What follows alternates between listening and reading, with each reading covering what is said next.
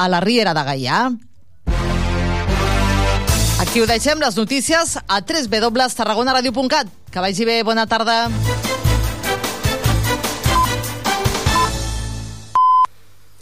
Bon dia, són les dues.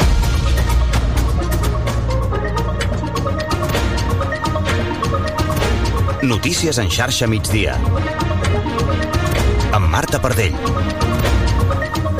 Falten especialistes en salut pública a Catalunya per afrontar com cal reptes com l'emergència climàtica o possibles noves pandèmies. En concret, el dèficit és de mig miler de professionals segons la Societat de Salut Pública de Catalunya i Balears. La seva presidenta, Marta Arcas, adverteix des de la xarxa que el canvi climàtic ja està tenint efectes en la salut. Aquest canvi climàtic hi és i per se generarà potser no, no pandèmies immediates però que està generaran eh, conseqüències en salut ja, ja ho sabem i ja, ja, ja, ja hi són de moment, el Departament de Salut ha avançat a la xarxa que preveu augmentar en 65 les places de funcionaris de salut pública aquest any i contratar 64 professionals més. És dilluns 5 de juny de 2023 i tenim més titulars. Pedro Sánchez repta el líder del PP, Alberto Núñez Feijo, a fer sis debats cara a cara fins a, fins a les eleccions generals del 23 de juliol. Montse Hidalgo. Serien sis trobades setmanals fins a arribar a la convocatòria electoral als principals mitjans de comunicació de l'Estat i començant dilluns 20 vinent mateix. Així ho ha proposat el secretari general del PSOE. Proponemos formalmente que cada semana se celebre un debate cara a cara entre los dos principales candidatos a la presidencia del gobierno en los principales medios de comunicación. No ponemos condiciones. Sánchez també acceptarà participar en debats amb més candidats. Pere Aragonès respon la ministra de Transport sobre el traspàs de Rodalies i addueix que és d'interès per la ciutadania. Això després que ahir Raquel Sánchez assegurés que la xarxa d'infraestructures no es pot traspassar perquè forma part de la xarxa d'interès de l'Estat. Aragonès i Sánchez han visitat per separat la cimera global sobre transport públic. En marxa una prova pilot a Catalunya per detectar el càncer del coll de l'úter. Prop de 4.000 dones del Baix Llobregat han estat convidades a fer-se una autoprova de detecció del virus del papiloma humà. Es tracta d'un primer assaig per a un futur programa de cribratge poblacional. En Cultura, Tarragona se suma la iniciativa Cinema Lliure a la platja. Que utilitza les platges catalanes i balears per portar propostes audiovisuals diverses. A la capital tarragonina s'hi podran veure el Carràs, Cinco Lobitos i After Sun. Pel que fa als esports, Eduard Cabré, en futbol el Barça intensifica els contactes per fitxar a Leo Messi. El pare i representant de Messi, Jorge Messi, s'ha trobat avui amb responsables del Barça per estudiar el pla de viabilitat presentat a la Lliga, que inclou el retorn de Messi al Barça. I fem també un cop d'ull al temps. Lluís Mi Pérez, bon dia.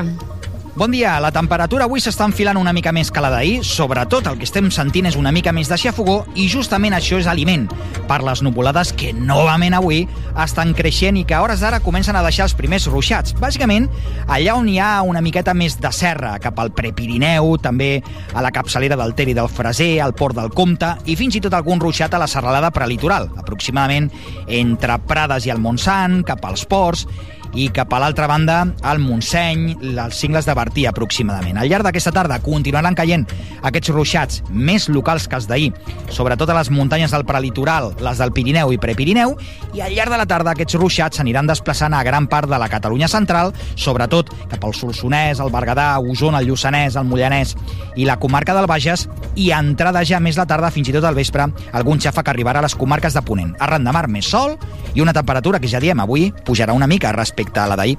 Ho seguirem a la xarxa. El control de Soibal López a la redacció i coordinant Montse Hidalgo. Passen gairebé 4 minuts de les dues. Notícies en xarxa.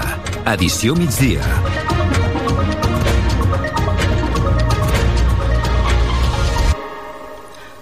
Falten uns 500 especialistes en salut pública a Catalunya per afrontar com cal l'emergència climàtica, així com possibles noves pandèmies. El dèficit l'ha calculat la Societat de Salut Pública de Catalunya i Balears, que demana consolidar lliçons apreses durant la gestió del coronavirus. El Departament de Salut ha avançat a la xarxa que preveu augmentar en 65 les places de funcionaris de salut pública aquest any i també contractar 64 professionals més. Maite Polo. El conjunt de professionals de la salut pública demanen seguir compartint la informació entre tots els agents implicats i continuar modernitzant la transmissió de dades per tenir un sistema de vigilància fort davant del que pugui sobrevenir. Per la magnitud de la crisi climàtica, la presidenta de la Societat de Salut Pública, Marta Arcas, demana a les administracions consolidar mecanismes aconseguits durant la pandèmia. Aquest canvi climàtic hi és, i per se generarà, generarà mm, potser no, no pandèmies immediates, però que està generaran eh, eh, conseqüències en salut, ja, ja ho sabem i ja, ja, ja, ja hi són. Si no estem en el punt de mira, si no som eh, part del centre, eh, tornarem a perdre pistonada, no? i per tant la salut de la població pot, tant, pot tornar a quedar en un, en un segon pla. L'emergència climàtica ja està provocant un augment de malalties infeccioses, respiratòries i cardiovasculars, a banda de malmetre el medi ambient i perjudicar els animals. Els riscos creixents per a la salut derivats de la crisi centraran els debats que es faran en unes jornades científiques de salut pública a Barcelona el 21 i 22 de juny. Seguim amb tu, Maite, perquè justament avui hem sabut que les onades de calor no afectaran o afectaran igual a tothom.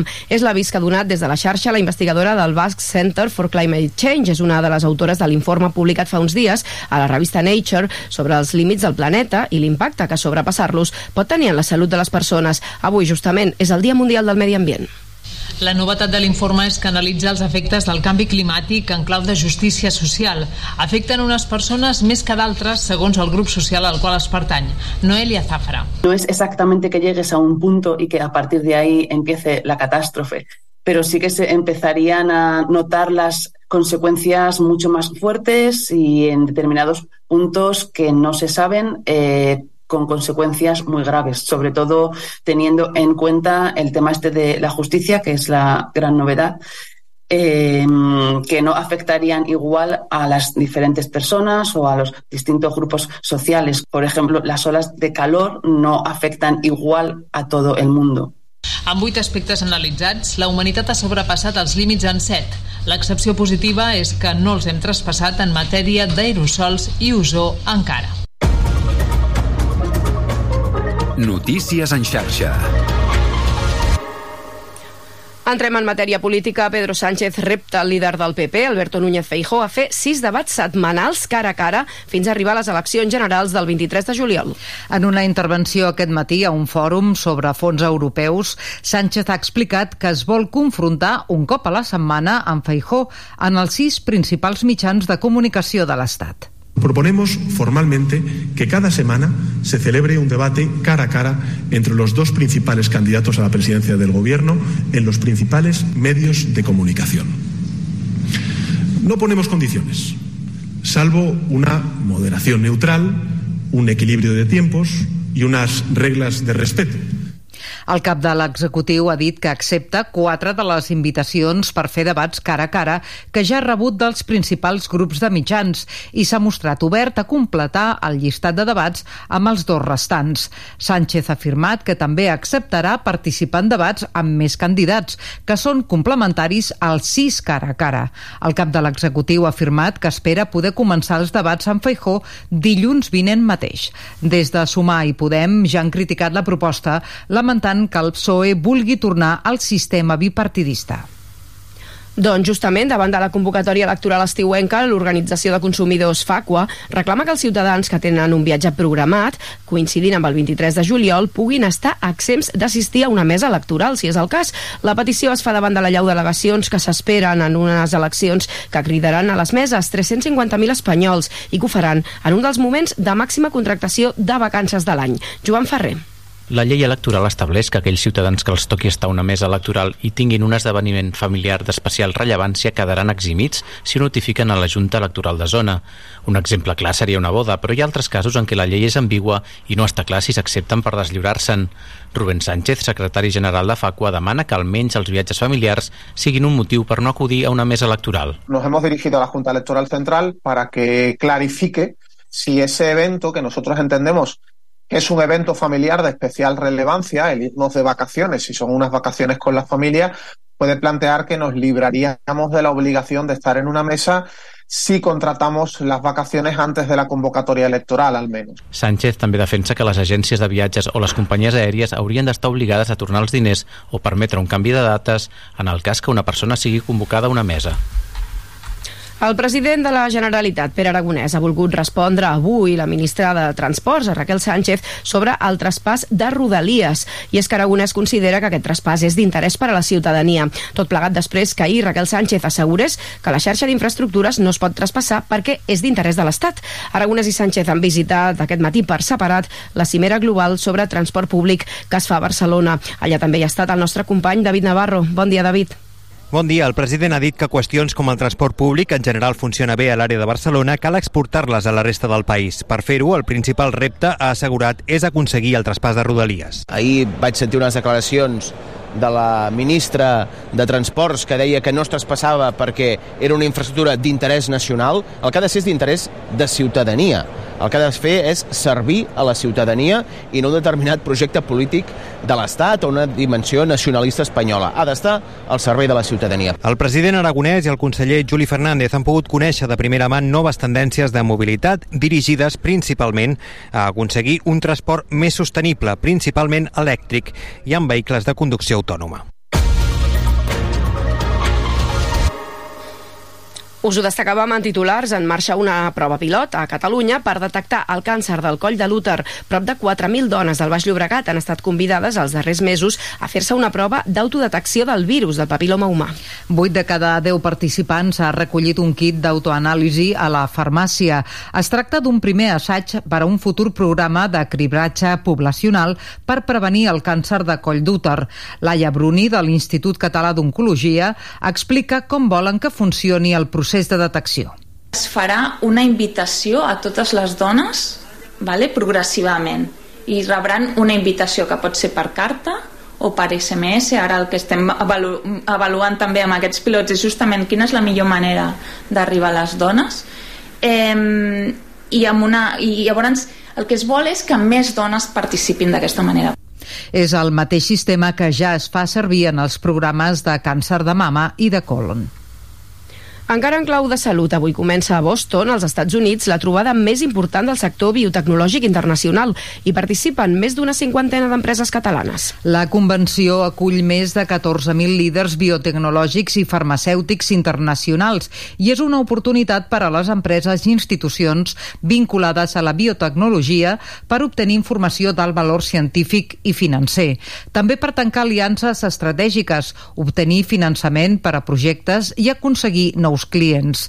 La bioregió de Catalunya hi participa amb 46 empreses i més de 80 delegats, cosa que suposa el 50% de la presència d'empreses de tot l'Estat. Els temes que centraran aquest esdeveniment estan centrats a la Covid-19, les malalties infeccioses, l'oncologia o la teràpia celular i genètica. La xarxa de comunicació local.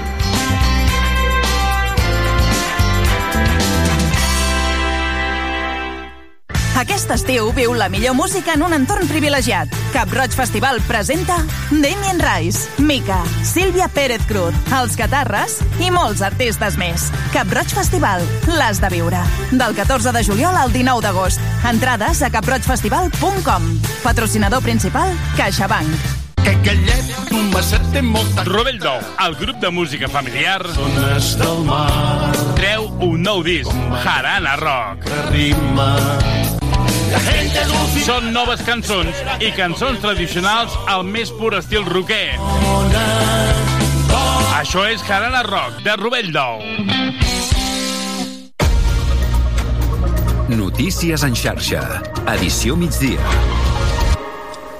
El sector hoteler de la Costa Daurada i les Terres de l'Ebre detecta un alentiment en el ritme de reserves de cara al fort de l'estiu, una tendència que observen amb preocupació i que atribueixen en part a la situació inflacionista que castiga moltes famílies. Helena Puigdueta, bon dia.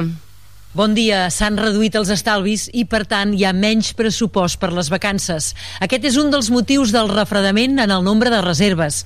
L'altre, i que afecta molt particularment a la Costa Daurada, és la pèrdua del mercat rus.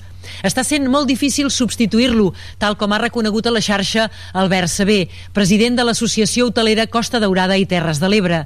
Sabé confia que la tendència revifi quan s'entri de ple en la temporada alta, encara que les eleccions del 23 de juliol, ha dit, no hi ajudaran gaire. Estem observant amb certa preocupació una mica un rebentiment en el que seria les, les reserves de, de cara a aquestes èpoques que estem ara, no? tant del mes de maig que hem deixat, ha sigut una mica més fluix del que esperàvem. Juny tampoc està siguent potser els nivells que ens agradarien i, bueno, i esperem que de cara a la temporada alta la cosa eh, revifi, no? Pensem que potser hi comença un cert refredament. Tampoc aquests caps de setmana han estat eufòrics pel sector, ni tan sols aquest pont de la segona Pasqua, festiu a l'àrea metropolitana de Barcelona. Albert Sabé ha explicat que en festes tan puntuals costa molt que es noti arreu del país. Els qui sí que ho han notat han estat els hotelers de Salou per la vuitena edició del Triatló Internacional que es va disputar ahir. I encara més proves esportives, valoracions ben diverses són les que deixa la celebració del Gran Premi d'Espanya de Fórmula 1 al circuit de Montmeló. És un dels esdeveniments esportius que mouen més massa social, ja que atrau aficionats procedents d'arreu d'Europa. En definitiva, una gran oportunitat pels sectors de l'hostaleria, la restauració i el comerç per incrementar facturació. Això sí, cadascun ho viu de manera diferent. Vallès Visió, Adrià Rossell. El Gran Premi de Fórmula 1 ha deixat un impacte econòmic molt positiu a l'hoteleria, però no tant a restauració i comerç. Així mateix ho ha reconegut el president del Gremi d'Hoteleria del Vallès Oriental, David Vázquez. L'hoteleria al 100%, pràcticament a tot el territori, i en canvi ciutats com a Granollers no, pues, eh, la incidència és mínima, o sigui, pràcticament no es nota absolutament res. De fet, qualsevol persona que no li agradi el motor eh, arriba a una ciutat com Granollers i, i no hi ha cap mena de referència, no està ple, no està el comerç a rebentar, no estan els restaurants a rebentar, no? Per intentar ajudar a restauració i comerç, des del Gremi, David Vázquez ha llançat una proposta de treballar a tres bandes amb circuit i ajuntaments per crear una experiència global del cap de setmana. Crear algun pack important a nivell de dir, escolta, això és el que tenim com a motor, ja sabem que el pol d'atracció de Barcelona és molt fort, però nosaltres com a territori tenim molt a dir perquè realment el, el turisme gastronòmic és un turisme que mou molts diners i que també es belluga. La Fórmula 1 aporta al conjunt de tot Catalunya uns 400 milions d'euros. Quatre joves del Camp de Tarragona són jutjats aquest dilluns, encara a hores d'ara ho estan sent, per participar en les protestes que hi va haver a Tarragona després de la sentència del procés l'any 2019. A les portes del jutjat s'hi han concentrat aquest matí desenes de persones per donar-los suport. Són els últims encausats pendents de judici després que 14 casos més es van arxivar. Tarragona Ràdio, Helena Vinyes. Els encausats formen part dels 18 investigats en la causa instruïda pel jutjat d'instrucció número 6 de Tarragona, iniciada fa més de 3 anys arran dels aldarulls i disturbis que hi va haver per la sentència de l'1 d'octubre. Lluís Madurell, membre d'Alerta Solidària, ha explicat a la porta dels jutjats que els joves que s'asseuen avui a la banqueta dels acusats van protestar de manera pacífica i que les acusacions es basen en els atestats policials conjunts dels Mossos d'Esquadra i la Policia Nacional. La majoria de proves estem parlant que és el relat de, dels propis agents, dels atestats, que eh, els relacionen o els vinculen a haver-hi estat en algun lloc en algun moment determinat. Aquell dia a Tarragona hi havia més de 50.000 persones al carrer, eh, és molt difícil saber qui és qui, però segons els policies doncs, ells saben eh, qui era cada persona. Els quatre joves han entrat als jutjats a dos quarts de deu d'aquest dilluns al matí entre aplaudiments per part dels participants en la concentració convocada per donar-los suport. S'hi ha sumat l'alcalde de Tarragona en funcions, Pau Ricomà, i la que ha estat portaveu de l'Ocupa a l'Ajuntament, Eva Miguel. Atenció a aquesta iniciativa que ens arriba des del Bages i és que arran dels incendis del pont de Vilomara i Sant Fruitós de Bages de l'estiu passat, el cos de bombers ha creat un nou protocol. L'objectiu, poder actuar més ràpidament i millor. Ràdio Sallent, Anna Hernández es van adonar que no hi havia un protocol concret d'actuació coordinada entre els diversos serveis, no només els bombers, sinó també agents rurals, emergències mèdiques, Mossos d'Esquadra, Protecció Civil, també la Generalitat, entre tots ells, per poder actuar de manera clara en un cas com el de l'estiu passat. El gran foc va afectar a tota una urbanització del pont de Vilomara i a una altra de Sant Fruitós. Es van cremar cases i encara hi ha veïns que no hi han pogut tornar. Santi Lleonart, el cap de bombers de la Catalunya Central, explica per què ha de servir aquest nou pla d'actuació. És un protocol que ens ha de permetre, doncs, en cas de incendis forestals que afectin a zones d'interfase urbana, doncs poder ser molt més eficaços i eficients a l'hora de prendre decisions i que aquestes siguin molt més unificades, acords i coordinades, que és el que, el que busquem. També recorda que 9 de cada 10 incendis són provocats, de fet els del Bages també ho van ser, i per això també demana màxima precaució i prudència, i més encara davant d'un estiu que es preveu dels més complicats de les últimes dècades.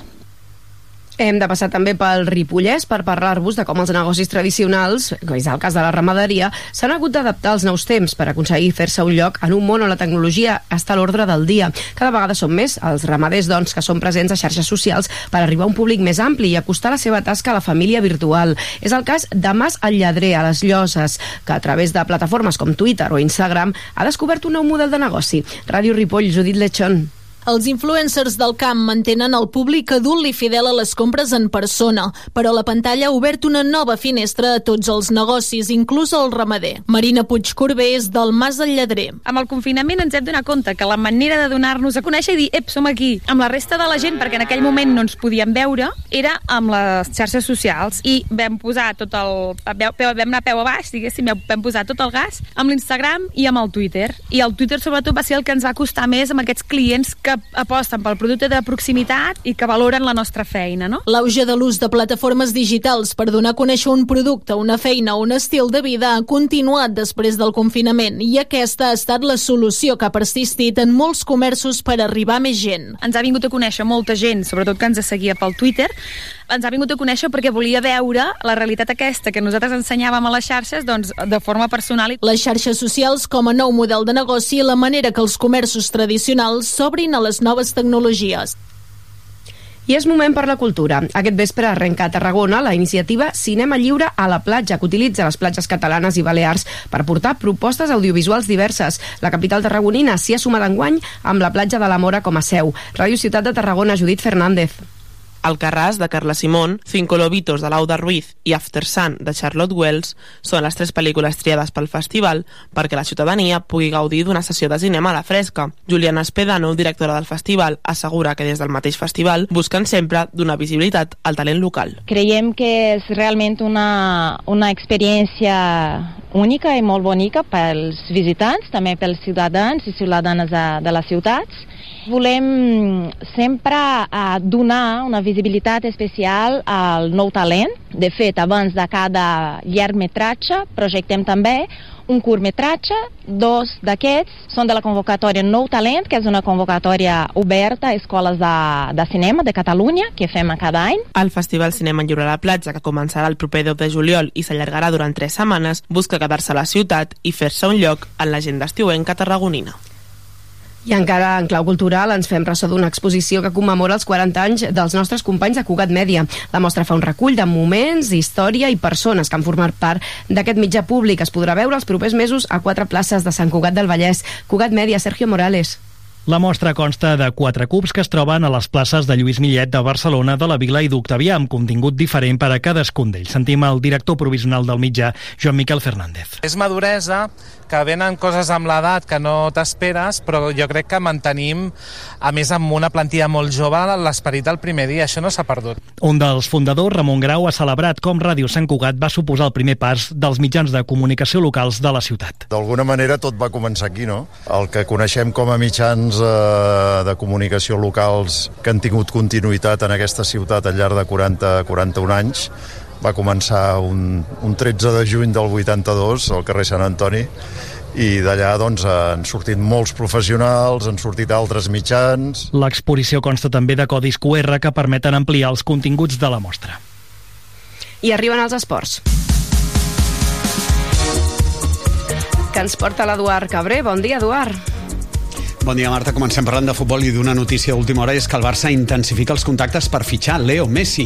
I és que el pare i representant de Leo Messi, Jorge Messi, s'ha trobat amb responsables del club per estudiar el pla de viabilitat presentat a la Lliga, que inclou precisament el retorn de Messi al Barça, i en sortir de la reunió ha reconegut que sembla viable el retorn de l'argentí. De fet, el Barça espera el vistiplau de la Lliga que hauria d'arribar oficialment en les properes hores o dies, però que el club ja coneixeria. Aquesta és la seqüència en què el pare de Messi respon als periodistes a la sortida de la reunió. ¿Te encantaría? ¿Y de qué depende entonces? Depende de un montón de cosas, no sé nada todavía. Pero podría ser que, se por eso. que vengas. Me encantaría. ¿Te encantaría regresar a Barcelona? Por supuesto. Vamos a saber alguna cosa en breve. Sí. ¿Está la decisión cerca? No lo sé todavía, tenemos que hablar con los Pero el plan de viabilidad está ok. ¿Ha dicho algo el presidente? Supongo que sí. ¿Sí? Sí. ¿Confían que pueda regresar? Sí.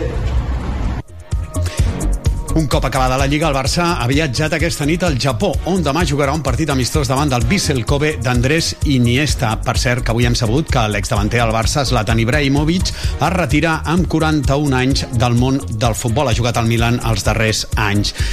I hem de dir també que aquesta tarda la Unió Esportiva Sant Andreu celebrarà l'ascens de categoria. Ho farà a partir de, dos, de les 6 de la tarda pels carrers de la ciutat. Serà dos quarts de set quan començarà una caminada dels integrants de la plantilla del Sant Andreu fins a la plaça Ofília per oferir l'ascens a l'afició. I també ho hem sabut aquest matí en futbol, Ferran Costa deixa de ser entrenador del Centre d'Esports Manresa. Des de Ràdio Sallent ens informa en Pol Rodríguez. Sí, anunci important del club manresà que perd d'aquesta manera l'entrenador amb el qual ha viscut l'època esportiva més daurada del segle XXI. El club ha fet un comunicat breu en el que no ha donat molts detalls del futur de Ferran Costa, al qual li quedava un any més de contracte. Per tant, les dues parts haurien arribat a un acord econòmic per rescindir aquest contracte i d'aquesta manera el tècnic de Castelldefels podrà signar o emprendre un nou projecte. En els últims dies havien sortit rumors que el Penya Deportiva i el futbol base del Girona havien mostrat interès per incorporar Ferran Costa, un interès que el club no ha desmentit en cap moment. En breu es coneixerà el futur del tècnic i també el futur de la banqueta manresana. Costa va arribar al centre d'esports l'estiu del 2020 per ser director esportiu, secretari tècnic i entrenador del primer equip. El club li va donar les regnes i després de 3 anys ha aconseguit l'ascens amb els manresans a segona federació. Demà hi ha convocada una roda de premsa a les 6 de la tarda per explicar els motius d'aquest comiat amb el mateix protagonista. I en futbol sala, el Barça vol sentenciar demà dimarts l'accés a la final de la Lliga de Futbol Sala. Els blaugranes van derrotar l'Inter per 2 a 0 en el primer partit de la sèrie de semifinals al Palau. I demà dimarts, a dos quarts de nou, buscaran el bitllet per jugar la final a la pista del conjunt madrileny. I un darrer apunt també en bàsquet, i és que el Barça i el Joventut de Badalona buscaran una final catalana de la Lliga ACB. Demà serà el torn pel Joventut de Badalona, que començarà la seva sèrie, el millor de 5 partits, davant del Real Madrid, a la pista del Madrid. I dimecres serà el torn pel Barça, que començarà la seva sèrie rebent a Unicaja de Màlaga al Palau Blaugrana. I això és tot pel moment. Gràcies, Eduard Cabré. És l'última hora dels esports. Una mica més de 3 minuts i arribem a dos quarts de 3. Nosaltres hem de fer una petita pausa, però tornem de seguida i ho fem amb més actualitat. Fins ara.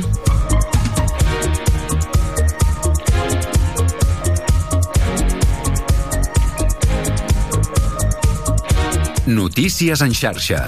Edició migdia.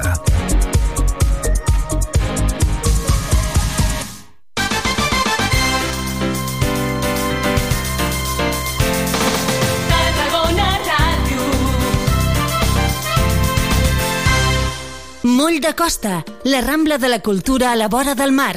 Vine i passeja per l'eix de la cultura, del lleure i de l'esport al Port de Tarragona. Hi trobaràs museus, exposicions, teatre, activitats, espais per passejar i fer esport. Completa la teva visita amb un tas de la gastronomia marinera del Serrallo. Més informació a porttarragona.cat. Mm. Ei, hola! Com va? Mm. Hola! Que no em sents? Ai, hola! No pots parar ni per saludar o què? Com vols que pari? Són els pastissos de Caljan Pastisseria. Caljan? Caljan. Encara no els has provat? Mm. Els pots trobar al Mercat Central de Tarragona o al carrer d'Antoni Roig, número 66 de Torredembarra. Jo de tu hi aniria pitant. Mm. Caljan Pastisseria. I ara segueix-nos també a Instagram i a Facebook. Una alimentació sana, exercici físic i una bona assegurança mèdica. A MGC Mútua millorem cobertures i serveis per oferir la millor assegurança mèdica segons els professionals de la salut. MGC Mútua. Inverteix en salut. Informa't en el web mgc.es. Si vas deixar d'estudiar i vols continuar amb la teva formació, ara és el moment. El Centre Municipal de Formació d'Adults Fòrum obre el període de preinscripció del 20 al 28 de juny. Demana cita prèvia i consulten tota la informació a imet.tarragona.cat barra adults. Ara és el moment. Ajuntament de Tarragona.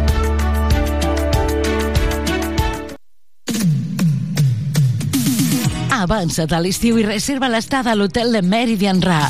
O gaudeix ara dels restaurants davant del mar, de la brisa marina al Beach Club i de la relaxació a l'Explore Spa.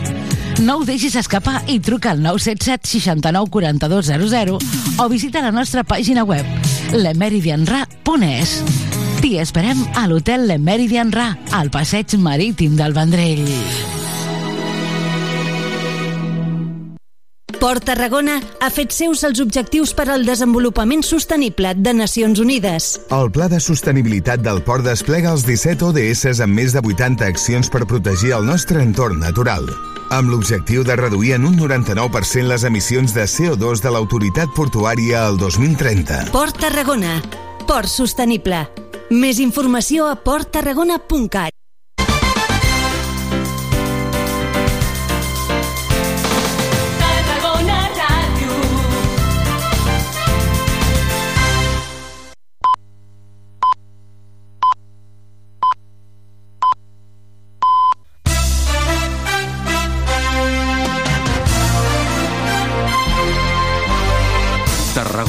Tarragona Actualitat. L'informatiu del migdia a Tarragona Ràdio. Bona tarda. Quatre joves al Camp de Tarragona són jutjats avui per participar en les protestes que hi va haver a Tarragona després de la sentència del procés al 2019. A les portes del jutjat s'hi han concentrat desenes de persones per donar suport als encausats. Lluís Madurell, d'Alerta Solidària, explica que les proves que s'han presentat no són concloents. La majoria de proves estem parlant que és el relat de, dels propis agents, dels atestats, que eh, els relacionen o els vinculen a haver-hi estat en algun lloc en algun moment determinat. Eh, aquell dia a Tarragona hi havia més de 50.000 persones al carrer, eh, és molt difícil saber qui és qui, eh, però segons els policies doncs, ells saben eh, qui era cada persona. L'Observatori de les Desaparicions Forçades a Menors tem que les eleccions del 23 de juliol paralitzin la feina engegada durant la legislatura sobre els nens robats durant el franquisme. La presidenta de l'Observatori, Neus Roig, lamenta que per només un mes no s'hagi pogut tancar una ponència sobre la matèria que es va portar a la Cambra Alta al gener d'enguany. Això s'ha quedat en portes d'un mes. Eh, ens hem quedat, estaven en fase de conclusions i hagués sigut molt interessant perquè, clar, una ponència no es mor amb la legislatura, sinó que ja és un document eh, potent que hagués servit moltíssim, no? En parlem avui també del Festival de Cinema Lliure a la platja que arriba per primera vegada a la Mora. Es farà els dilluns 10, 17 i 24 de juliol després de la posta de sol. En esports, Manu García és la primera baixa del Nàstic. Era pràcticament un secret a veus i ara el porter ha aprofitat les xarxes socials per acomiadar-se del club i de l'afició. Nastiquers, ha llegado el momento de despedirme de vosotros.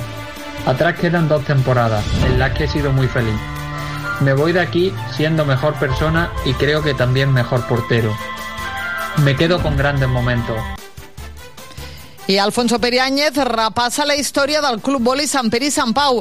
Els 40 anys de l'entitat han donat per molt. Una entitat que va iniciar-se per la pràctica del vòlei de base o com un esport per fer a les escoles i que ha aconseguit jugar a la màxima categoria i també en competicions europees. Avui és eh, dilluns eh, 5 de juny. Lluís Comas està als controls tècnics. En nom dels serveis informatius us parla Teresa Ortega.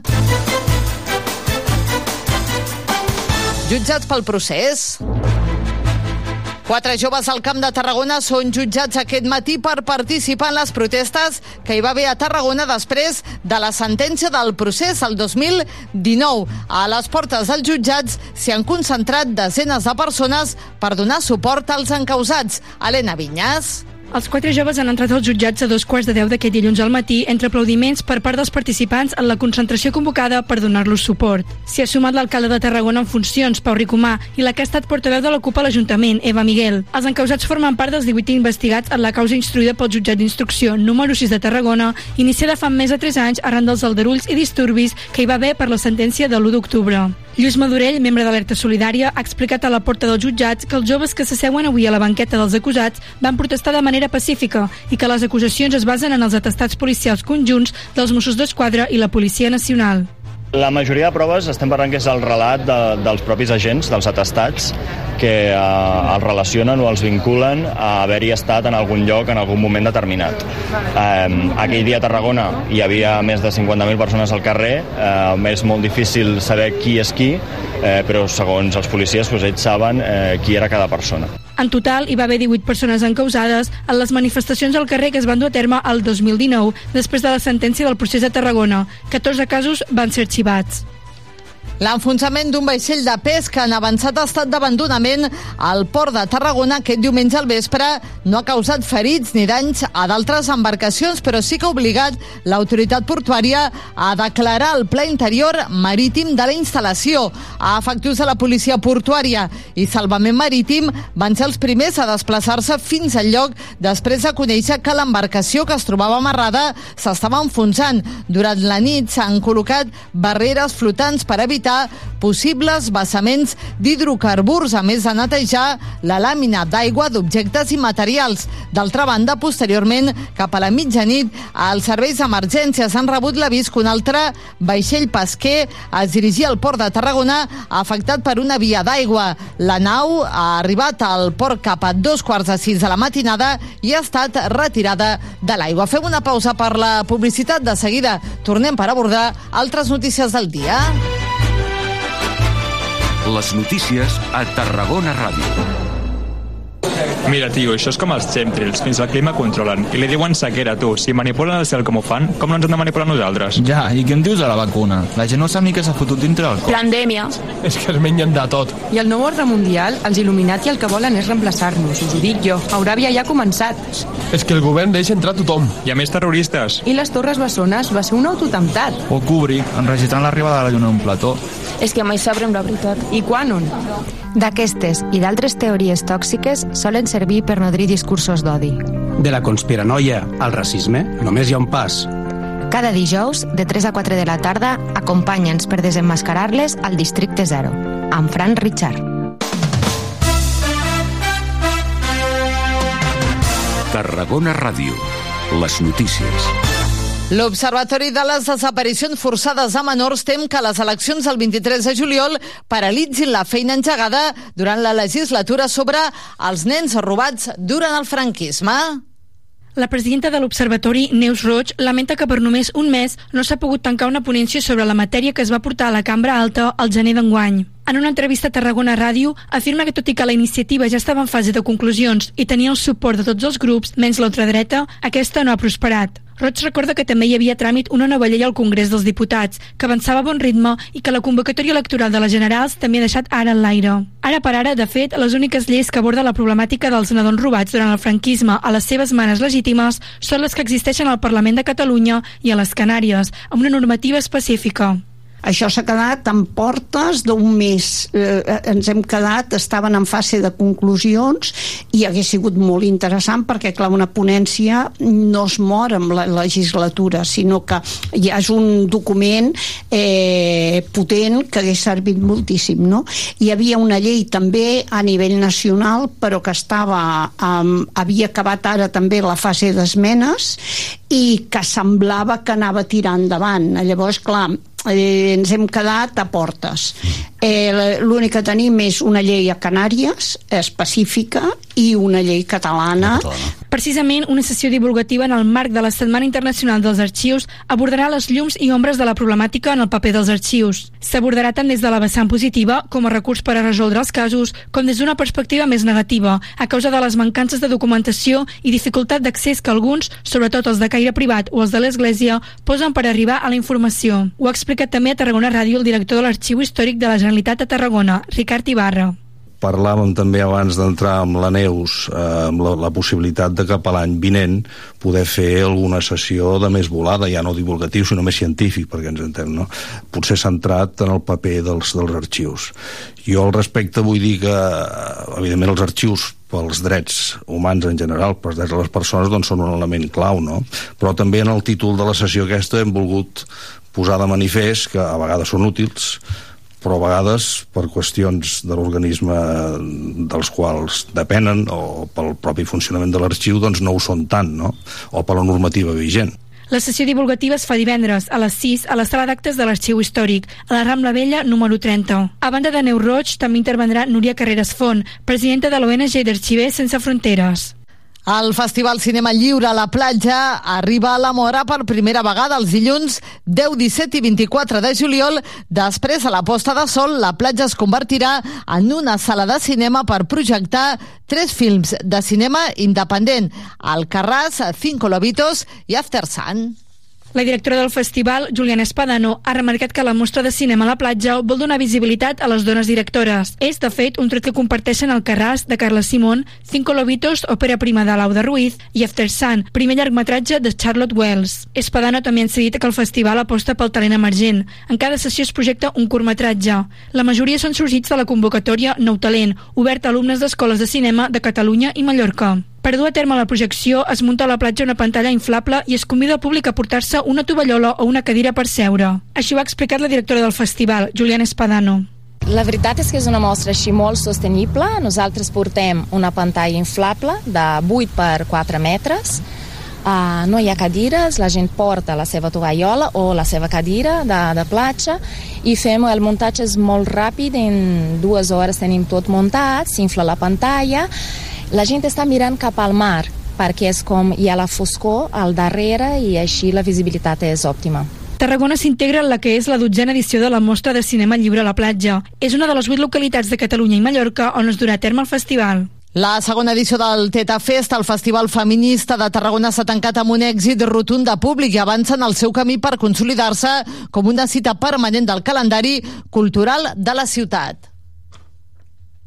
L'organització calcula que més de 5.000 persones han passat pel recinte del Camp de Mart entre divendres i dissabte. Només la cita estel·lar del Festival Teta, el macroconcert de divendres amb Mala Rodríguez, Mabel Flores i Samantha Hudson va congregar més de 1.500 persones. La consellera de Feminismes i LGTBIQ+, de l'Ajuntament de Tarragona, Cinta Pastor, ha volgut destacar que la magnífica resposta del públic ha demostrat que aquest era un festival necessari a Tarragona i que de seguir aquesta evolució es convertirà en una cita ineludible en el calendari d'esdeveniments culturals a Catalunya. Diu Pastor que van apostar per un festival familiar inclusiu que servís per visibilitzar i normalitzar la cultura i l'activitat al voltant dels drets feministes i LGTBIQ+, i el temps i el públic els donen la raó.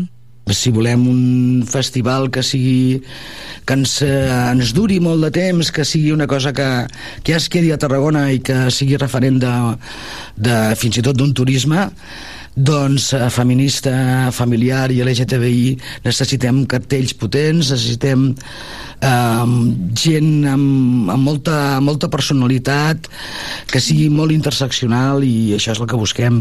Tenim una Tarragona inclusiva, que tot sigui normal, normalitzada i, bueno, i, i el turisme sempre serà benvingut. A més del concert de divendres, dissabte es van tornar a congregar més d'un miler de persones a l'auditori per a les actuacions de Màtcara i Miss Raissa. Durant tota la tarda de dissabte també es van aplegar centenars de persones per assistir als monòlegs de Dianela Padrón i Maga Paiva, mentre que la paella solidària preparada pel xef Pep Moreno, de Deliranto Salou, va aconseguir repartir més de 200 racions. Pel que fa a la Fira d'Entitats de dissabte, la vintena de col·lectius que hi han participat s'han mostrat exultants per l'interès que han despertat entre el públic. De la mateixa manera, els propietaris dels food trucks que han presentat el servei de menjars han confirmat que han treballat excepcionalment bé durant aquest Teta Fest 2023. La recaptació del Teta Fest està destinada a l'Associació Heroïnes Anònimes, entitat que treballa per ajudar les víctimes de violència masclistes al Camp de Tarragona.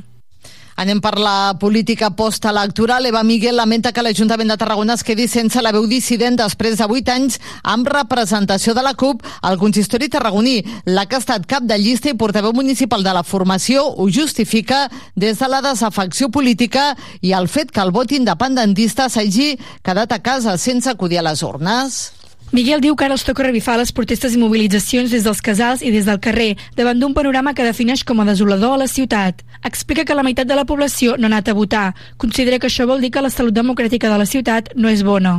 Mm, creiem que el ple perd molt en aquest sentit, perquè el paper de la CUP només lo pot fer la CUP, i després també mm, no es preocupa el fet de que la meitat de la població no ha anat a votar.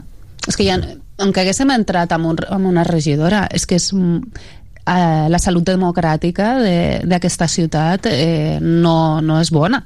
I a banda, veure com sempre no, la dreta i l'extrema dreta no fallen mai no fallen mai, sempre van. Pensa que el treball de la CUP, tant al govern com a l'oposició, ha estat bona. Eva Miguel té clar que la CUP ha iniciat un camí i deixa un llegat que no tindrà continuïtat. Pensa que els socialistes no seguiran el camí per fer efectiu l'estudi de la qualitat de l'aire, per exemple. Pensa que des del govern la CUP s'ha hagut d'empassar molts gripaus, però també ha capgirat la manera d'entendre moltes polítiques socials. També pensem que hem demostrat que la CUP pot capgirar la manera d'entendre moltes polítiques municipals i que hi quedaran a, a, la, a la història de tots els governs municipals la, eh, tota la feina que ha fet la CUP. I, eh, pensem que malauradament trigarem molt en tornar a veure eh, polítiques transformadores com les que havien començat a tirar endavant nosaltres. I el que eh, d'alguna manera ens sapena més és el fet de que molts camins que havien començat a caminar pues, eh, quedaran eh, en, només en un, en un record perquè no hi haurà continuïtat de moltes de les polítiques que hem encetat i estem segures d'allò. Eva Miguel ha fet balanç dels resultats de les eleccions en una entrevista a Tarragona Ràdio. La mostra de teatre jove continua avui amb l'obra Alba o el Jardí de les Delícies, escrita pel dramaturg Marc Artigau i duta a escena per l'entitat Tornavís Teatre. La representació realitzarà a les 9 del vespre al Teatre Tarragona i com a la resta d'obres la, de la mostra l'entrada és lliure però condicionada a l'aforament Miguel González. La història, protagonitzada per un grup de robots que ofereixen companyia als humans, pretén reflexionar sobre les noves maneres de relacionar-se i gestionar l'entorn en la societat. La directora de l'obra, Farners Rubio, ha explicat a Tarragona Ràdio que és el primer cop que la companyia s'atreveix amb una funció d'aquestes característiques. Creu que serà una peça per reflexionar. Parla de, de robots, d'aquesta intel·ligència artificial que, que està molt en els nostres dies, i és, ens planteja com un futur que no sabem la immediatesa que podrà tenir.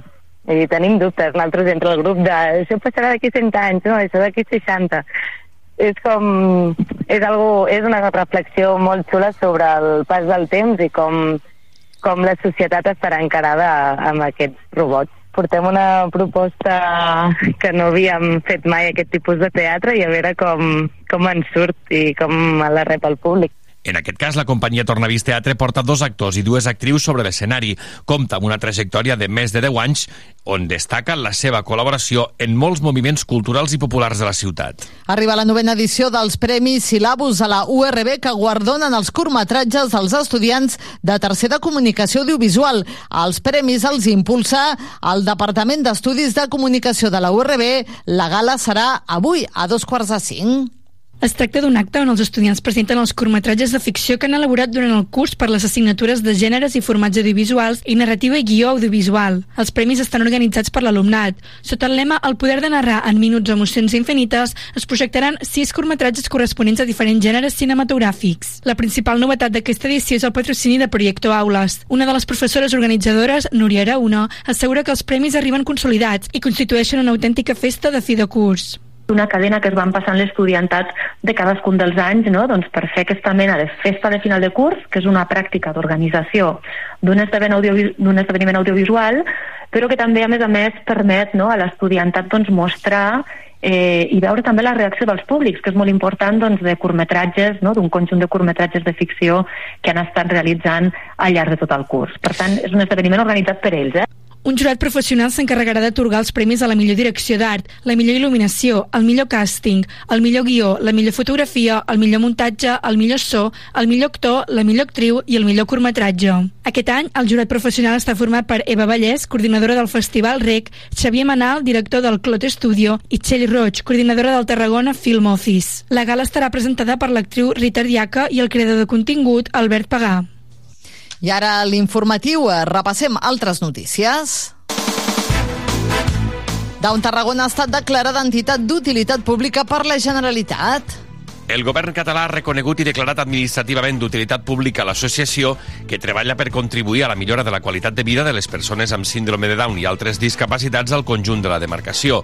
Amb els diferents programes que impulsa Down Tarragona, busca ajudar al col·lectiu a incorporar-se de manera activa a nivell social, laboral o del lleure. La declaració d'utilitat pública permet que les aportacions a l'associació Down Tarragona tinguin, a partir d'ara, avantatges fiscals per les persones i empreses que donen suport a l'entitat, ja que permet que les aportacions econòmiques que s'efectuïn es puguin desgravar amb fins a un 80% de l'IRPF o de l'impost de societats. En declaracions a l'Espai Tothom de Tarragona Ràdio, la directora tècnica i coordinadora de projectes de Down Tarragona, Montse Ramírez, ha agraït el reconeixement que suposa aquesta declaració perquè els encoratja encara més a continuar amb la seva tasca. Valorem des del punt de vista de que hem madurat, que hem arribat a tenir un servei de molta qualitat i en el que ja hem pogut fer front no, als requisits que comporta ser, tenir aquest reconeixement tant a nivell administratiu com també poder beneficiar sobretot a, a totes les persones i empreses col·laboradores. És una satisfacció, és una satisfacció de la feina feta de, de tots aquests anys, de tots aquests anys i, i sobretot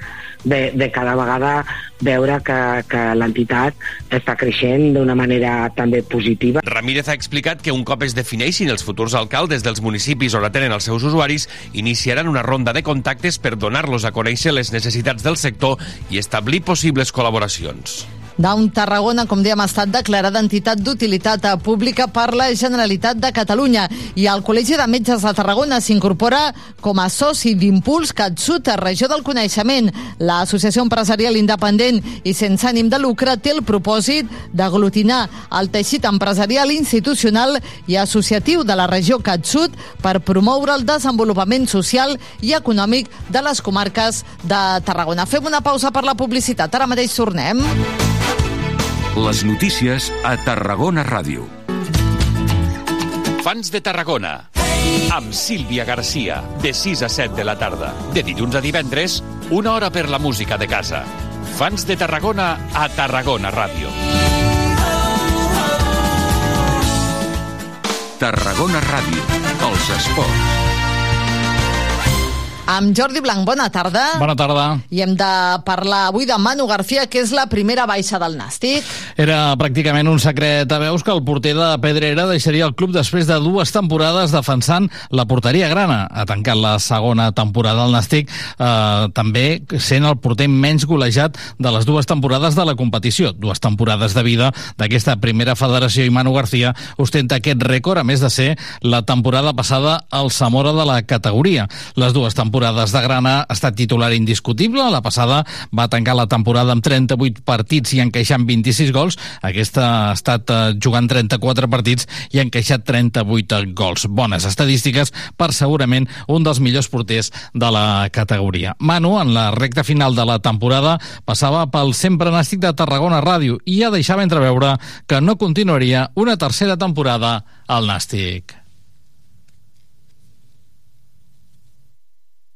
Ya lo dije el año pasado, a final de temporada el, los primeros que sabrán mi opinión será el club y este año pues igual, no, no tengo nada con ningún otro club ni, ni mucho menos, pero bueno, pase lo que pase, sí, sí que es cierto que yo tengo que estar agradecido a los, a los dos años que he estado aquí, a mis compañeros, al cuerpo técnico y al club que, que sí, y a la afición que siempre me han tratado muy bien. Pero doncs una sortida de Manu García del Nàstic, que ell mateix va confirmar aquest cap de setmana, aprofitant les seves xarxes socials per uh, fer oficial que no continuaria a la disciplina del gimnàstic de Tarragona. Nastikers, ha llegado el momento de despedirme de vosotros.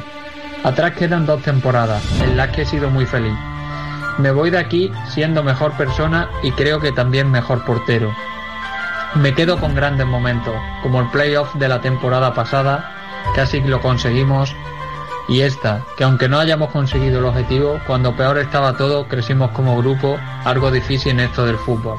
Manu García també un cop el club va fer oficial la seva sortida va aprofitar les seves xarxes socials per acomiadar-se del club, dels companys, de l'afició i també de Manolo Oliva. Agradecido por siempre al club, al presidente, sus trabajadores, los cuerpos técnicos que he tenido y sobre todo a ti, Oli. Gracias de corazón. No me puedo olvidar de gente muy importante como nuestro utillero Oscar y sobre todo de vosotros, mis compañeros durante dos temporadas. Gracias de verdad. A vosotros, afición. Os llevaré siempre en mi corazón y seguro que nuestros caminos se vuelven a unir.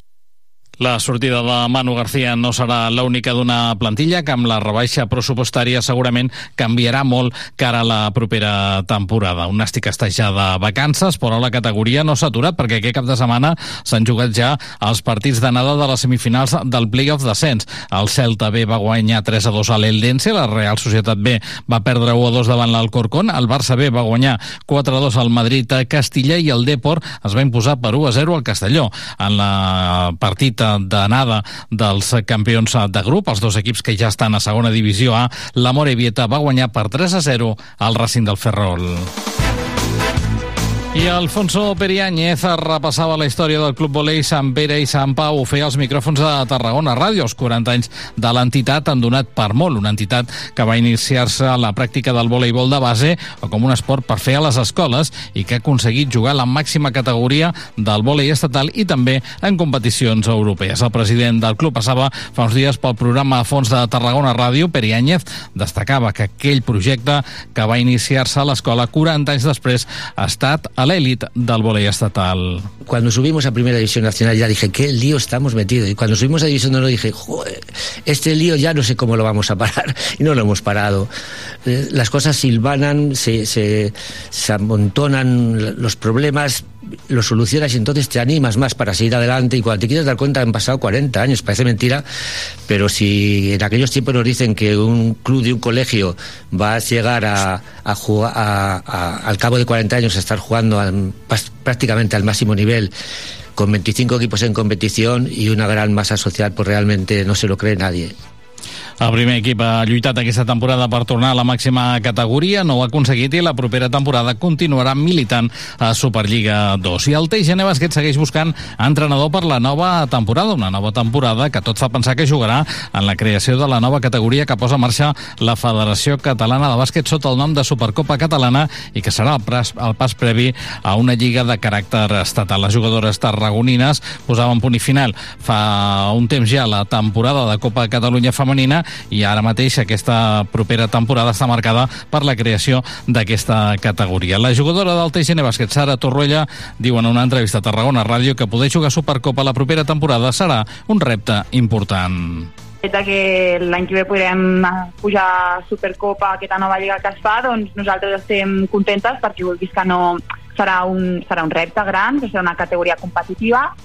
Eh, al principi de temporada, com era tot nou, el, un, no teníem un objectiu clar, però donat les baixes i totes les lesions, una temporada molt marcada per lesions i problemes, doncs el resultat ha estat um, prou, prou bo una nova categoria que es dirà Supercopa Catalana uh -huh. i de, pujaran tots els grups, o sigui, tots els equips de Copa, menys els dos o tres últims, no me'n recordo ara ben bé, més els que baixin catalans de, de Lliga 2, em sembla, i s'obrirà una, una nova lliga així competitiva també. Torruella debutava aquesta temporada com a jugadora sènior, reconeix que li va costar una mica agafar el rol del bàsquet semiprofessional.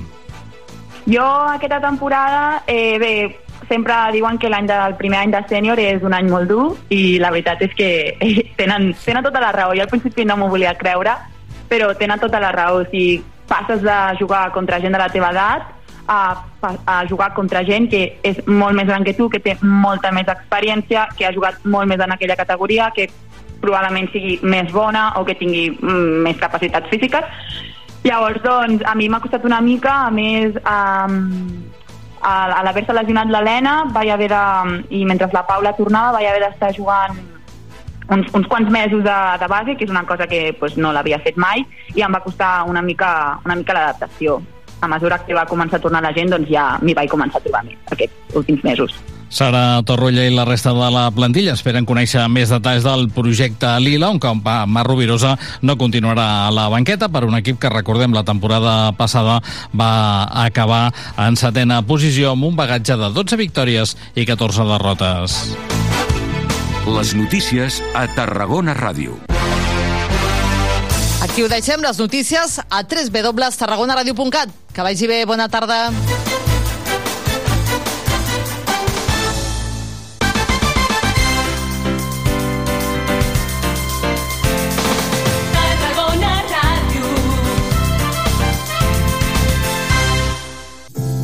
Tarragona és terra de grans vins. No et perdis la Fira del Vi de la Deo Tarragona, els dies 9, 10 i 11 de juny. 17 cellers i irresistibles propostes gastronòmiques t'esperen a la plaça Corsini. Més informació a deotarragona.cat.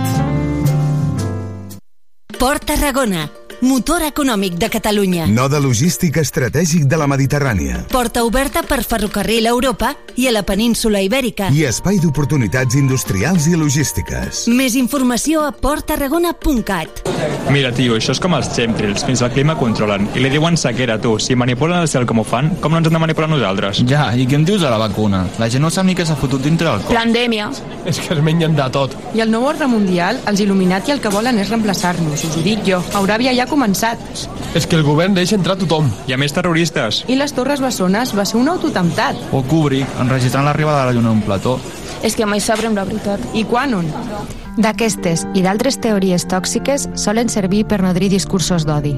De la conspiranoia al racisme només hi ha un pas. Cada dijous, de 3 a 4 de la tarda, acompanya'ns per desenmascarar-les al Districte 0, amb Fran Richard.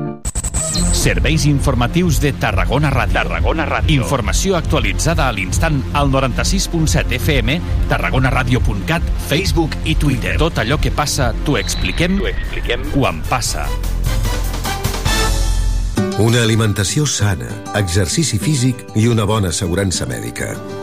A MGC Mútua millorem cobertures i serveis per oferir la millor assegurança mèdica segons els professionals de la salut. MGC Mútua. Inverteix en salut. Informa't en el web mgc.es.